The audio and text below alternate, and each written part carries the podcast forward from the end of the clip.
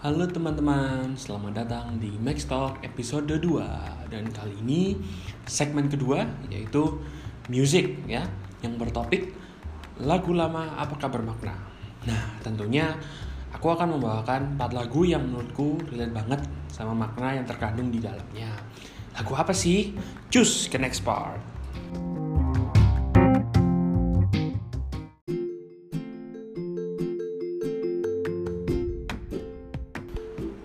lagu-lagu yang aku bawakan semua dari satu singer yaitu Niki Astria ya atau Teniki sebutannya.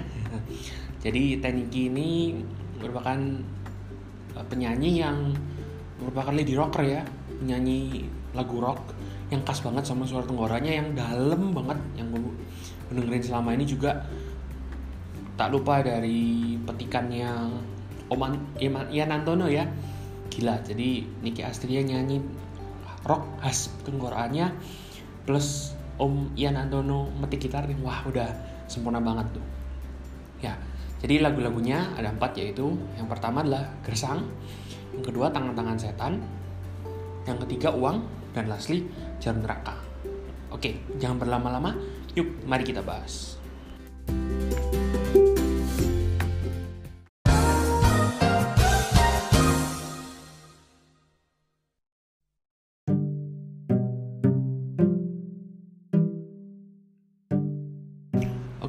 jadi topik pertama lagunya Teniki ya yang berjudul Gersang dirilis tahun 1987. Jadi lagu ini tuh obvious banget lah. Dia lagunya bertemakan environment di mana aku rasa di zaman itu relevan karena uh, day by day ya semakin hari kita lihat bumi kita ini semakin hancur ya karena global warming dan lain-lain. Pokoknya ya parah banget lah.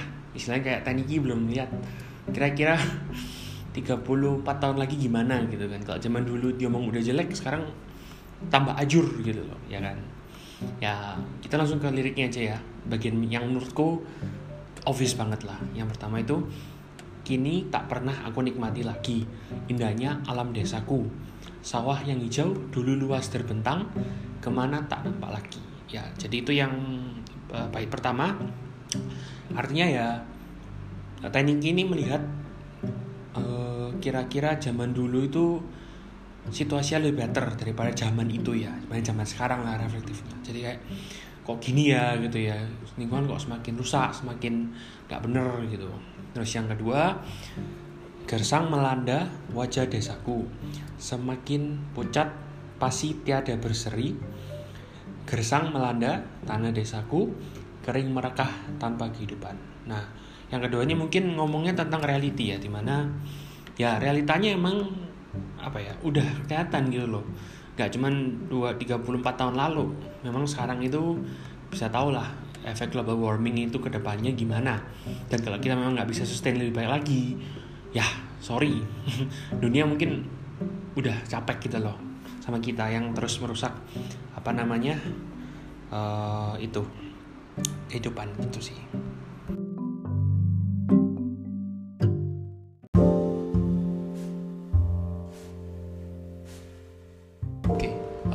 teman-teman.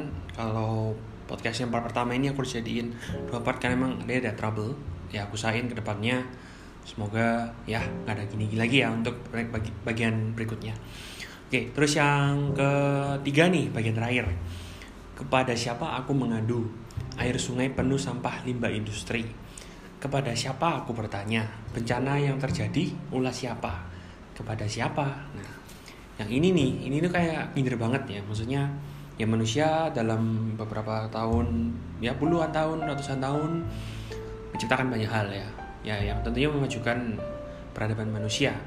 Nah tapi ya it, it came at a cost di mana ya lingkungan itu mulai dirugikan. Contoh misalnya kayak limbah pabrik terus bencana-bencana yang memang karena manusia sendiri. Ya kita nggak mau kan maksudnya ada bencana gini. Tapi ya kan every action require a serious consequences ya tentunya. Nah ini ya ini kayak sentilan banget gitu loh. Ayolah, maksudnya jaga jaga lingkungan kita kayak gitu sih.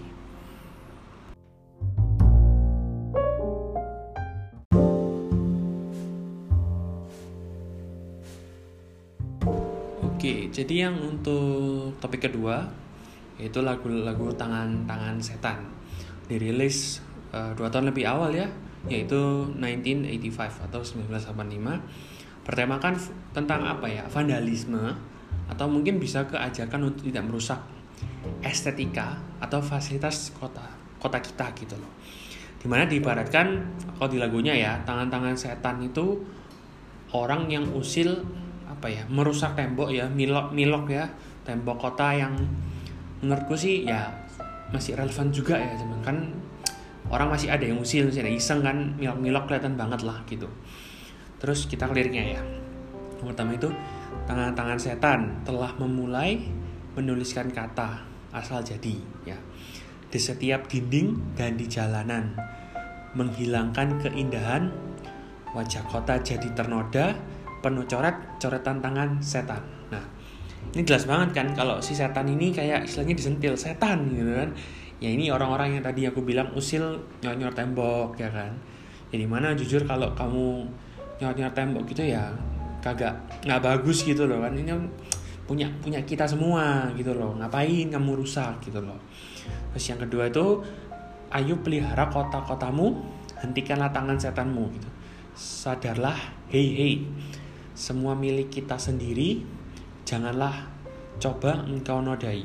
Nah, jadi ini tuh tadi ajakan banget di mana jangan coba-coba apa ya merusak fasilitas tadi. Ini kan punya punya kita semua sendiri, kamu juga you and me yang nikmatin gitu loh. Jadinya janganlah gitu loh.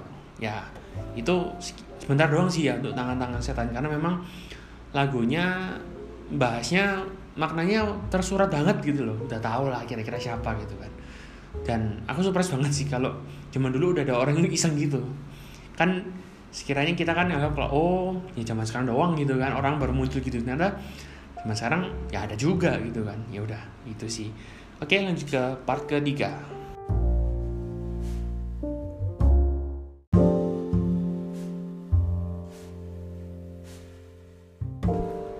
Thirdly kita lanjut ke lagunya Tekniki ya. Yang ketiga yaitu judulnya Office banget yaitu Uang jadi Uang ini sebenarnya dirilis tahun 98 ya. 1998 dia ini punya album sendiri ya. Jadi ceritanya itu apa ya? Kalau ngomong uang itu kan sumber kebahagiaan gitu. Orang-orang pasti kan siapa sih nggak nolak kasih uang gitu kan? Terus ada nih yang juga ngomong berpendapat lain. Oh kita itu nggak bisa beli kebahagiaan pakai uang gitu. Tapi nggak menurutku sih lo nggak perlu beli beli kebahagiaan pakai uang. Lo punya uang kebahagiaan datang ke lo sendiri gitu loh ya kan? Gitu sih. Nah jadi ini, ini langsung liriknya aja ya. Ini yang pertama tak pandang di mana saja.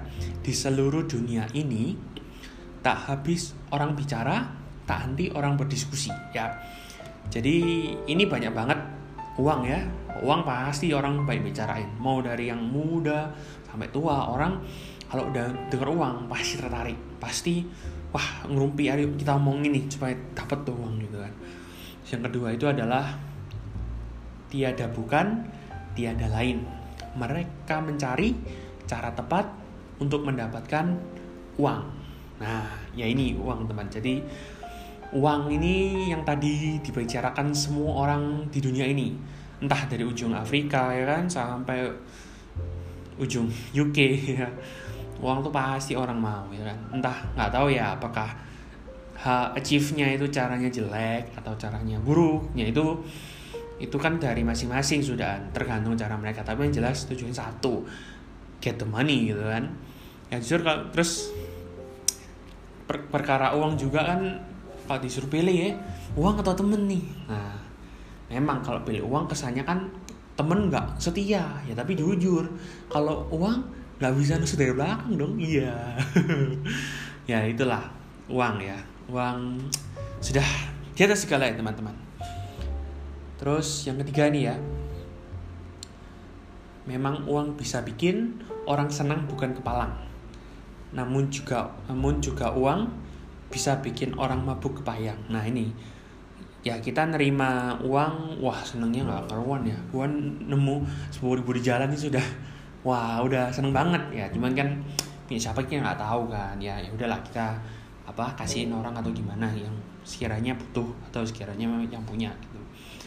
Terus yang bagian kedua nih yang ini loh bikin mabuk kepayang ya kan. Kalau kita memang udah seneng ya next stage-nya tuh pasti udah mabuk. Wah uang tuh segalanya gini-gini. Ya tentunya sih apa ya kadang-kadang ada yang take too far di mana orang-orang lebih men mendewakan uang di atas Tuhan bahkan nah itu jangan ya guys karena ya kita ini sedosa-dosa kita masih kesayangan Tuhan kok. Jadi uang itu gunakan untuk sebaik-baiknya dan gunakan untuk membantu sama kita gitu.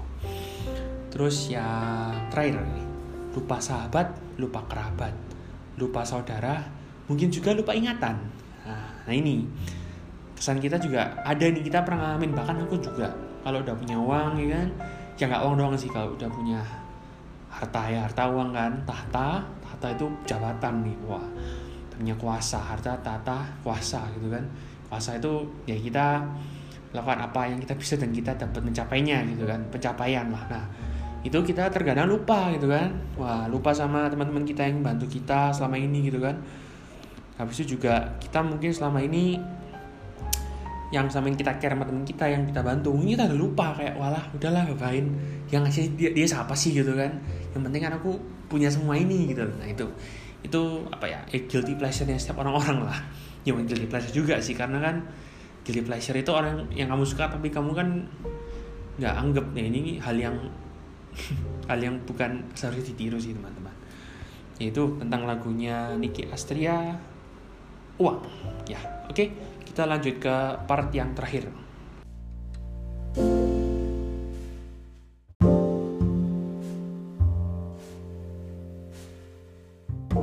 Oke, kita masuk ke bagian terakhir ya. Yes, akhirnya. Ini adalah lagunya, judulnya Jarum Neraka. Yes, jadi Jarum Neraka ini dirilis tahun 1985 sama kayak uh, Tangan-Tangan Setan ya. Nah itu In fact, lagu Jam Neraka Tangan Setan ini sempat satu album. Di mana kalau di jam, album Jam Neraka ya, suara teknik ini masih suara tenggorokannya yang natural.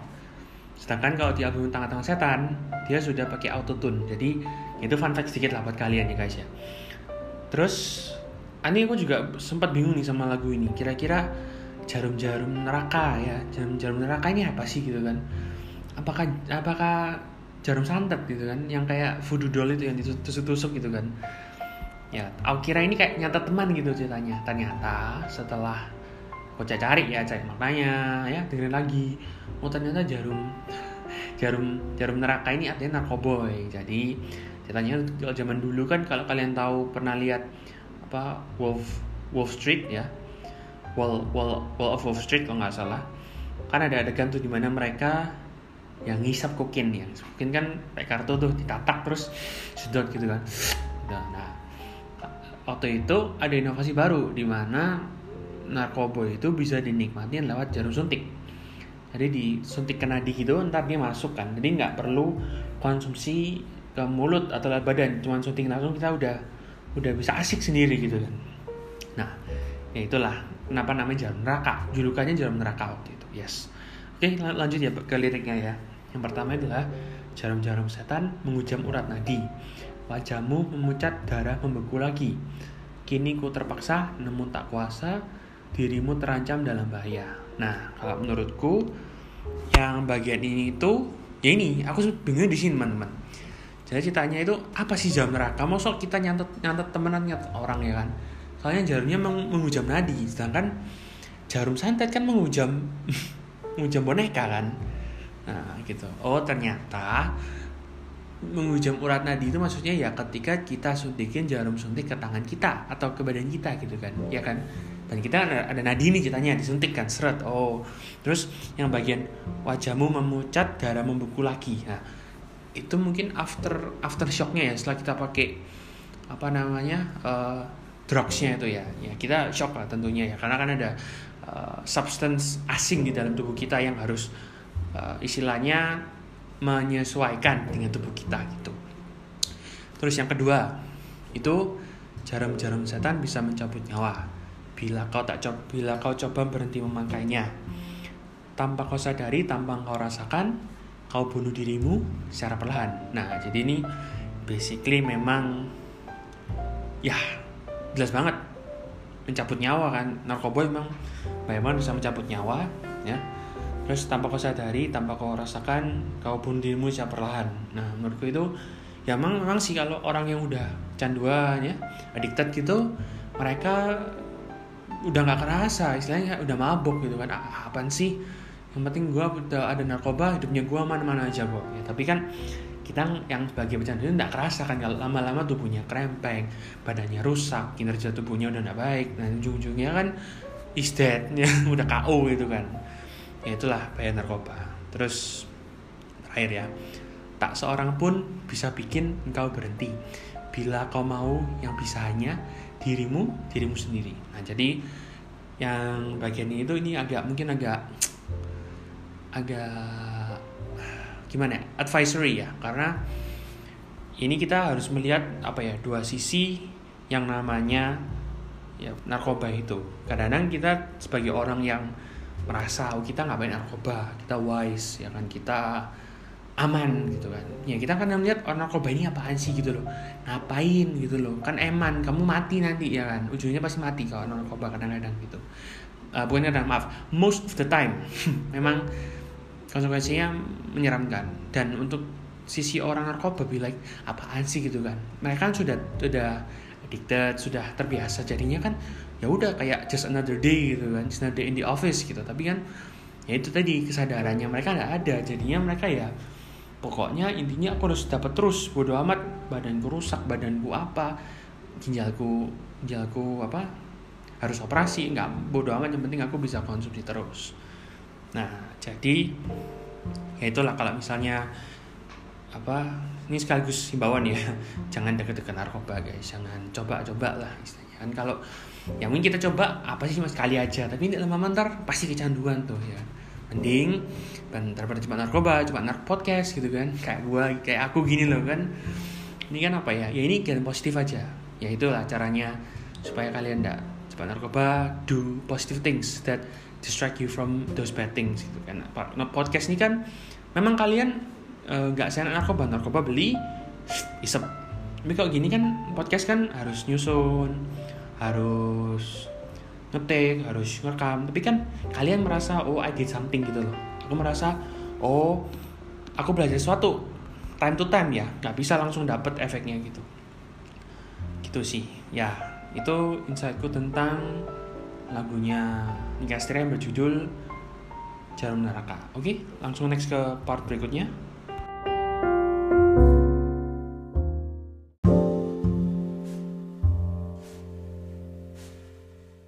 Oke okay guys, sekarang kita ada di penghujung acara ya kita mau closing dan untuk kesimpulannya sih aku menyimpulin bahwa dari topik yang aku angkat ya, apakah lagu lama bermakna? Well, kalau menurutku sih iya. Tapi I wouldn't say all of it ya, karena memang lagu lagu itu kan diciptakan untuk menyampaikan pesan ya. Ya tentunya pesan disampaikan pasti banyak. Tentu bermakna, tentu bermakna pasti. Lagu pop cinta ya, lagu pop kreatif ya kan. Pop cinta kan yang mendayu tuh kayak Petaria Sonata, mungkin kayak Desi Ratnasari gitu ya, tipe-tipe tipikal yang pop sedih gitu ceritanya. Terus ada kayak pop kreatif uh, ada Karimata terus ada Krakatau ya Krakatau itu kan me, merefleksikan energi anak muda youth energy gitu kan. Gimana ayolah kita bisa berkarya ria gitu dengan lagunya yang kreatif gitu kan. Ya, terus kalau lagu-lagu bermakna sih banyak sebenarnya. Ya teman kalau menurutku dari sisi perspektifku lagu bermakna itu menurutku yang ini. Karena dari bermakna maksudnya adalah makna yang baik. Memberikan influence atau memberikan masalah dari sekitar supaya orang-orang bisa taat. Tapi taatnya bukan yang harus diomongin. Bukan represif ya tapi ini secara psikologis. Mungkin aku dengar lagu ini ke Astria aku sukanya sama beatnya. Tapi lama-lama kalau dengar liriknya tahu liriknya tapi kan masuk juga nih lagu ya kan. Itu itu work loh. Kan karena kalau kita lihat film zaman dulu ya ini aku agak sedikit uh, jalan-jalan gitu. Kalau kalau lihat film zaman dulu kan tahun 70 80-an awal tuh filmnya tuh ada kayak suasana suramnya gitu kan. Pagi-pagi gitu kan suara kok suasana suram gelap gitu kan. Terus suaranya itu kesannya itu kayak terperangkap di toples gitu kan. Kayak ya nggak nggak terkonten dengan baik aja. Ada yang bocor gini gini gini gitu. Ya ini sama tapi ini lewat lagu which is lagu itu kayak powerful banget di mana orang itu pasti teringat oh lagu kan karena otomatis kalau kita listen to something itu akan terekam di alam bawah sadar langsung gitu. Dan aku percaya kalau lagu itu pasti ada life cycle-nya teman-teman. Di mana life cycle-nya itu ya pasti akan kembali. Otomatis juga itu namanya menurutku ya immortality lah gitu. Ya gitu sih untuk sekian dari podcastku. Ya untuk pesanku sih ya kita aware aja pada situasi sekitar. Dan hopefully ya kita bisa menyampaikan aspirasi untuk ke depannya seperti baik ya. Contohnya lewat lagu ini seperti yang dilakukan oleh Teniki ya dengan empat lagu yang aku tadi sebutkan seperti itu. Ya well thank you guys atas waktunya. Dan aku Matthew aku pamit dulu dan stay safe everybody